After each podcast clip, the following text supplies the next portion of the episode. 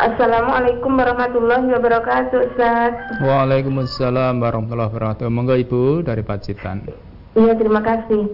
Saat yang saya tanyakan itu mengenai masker itu ya Apakah waktu sujud itu apabila kita oh, kita sholat apabila sujud itu memakai masker hidungnya tertutup itu kalau menurut syariat menurut tuntunan Rasulullah apakah itu tidak diperbolehkan? Begitu. Karena saya mendengar katanya kalau apa itu me, apa hidungnya tertutup untuk bersujud itu sholatnya tidak apa itu kurang-kurang afdal gitu.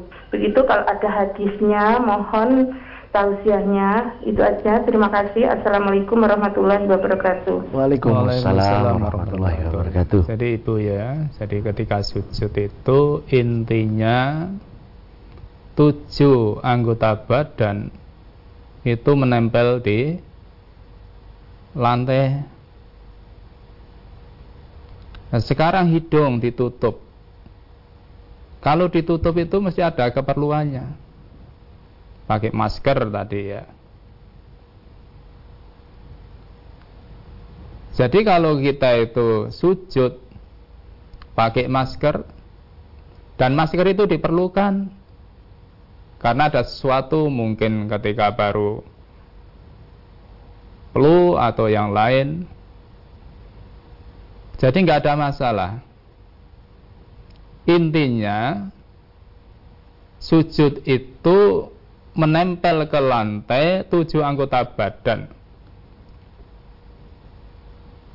Jadi dari hidung sama jidat ini menempel ke lantai. Kemudian dua telapak tangan. Kemudian dua lutut. Lutut kita juga tertutup.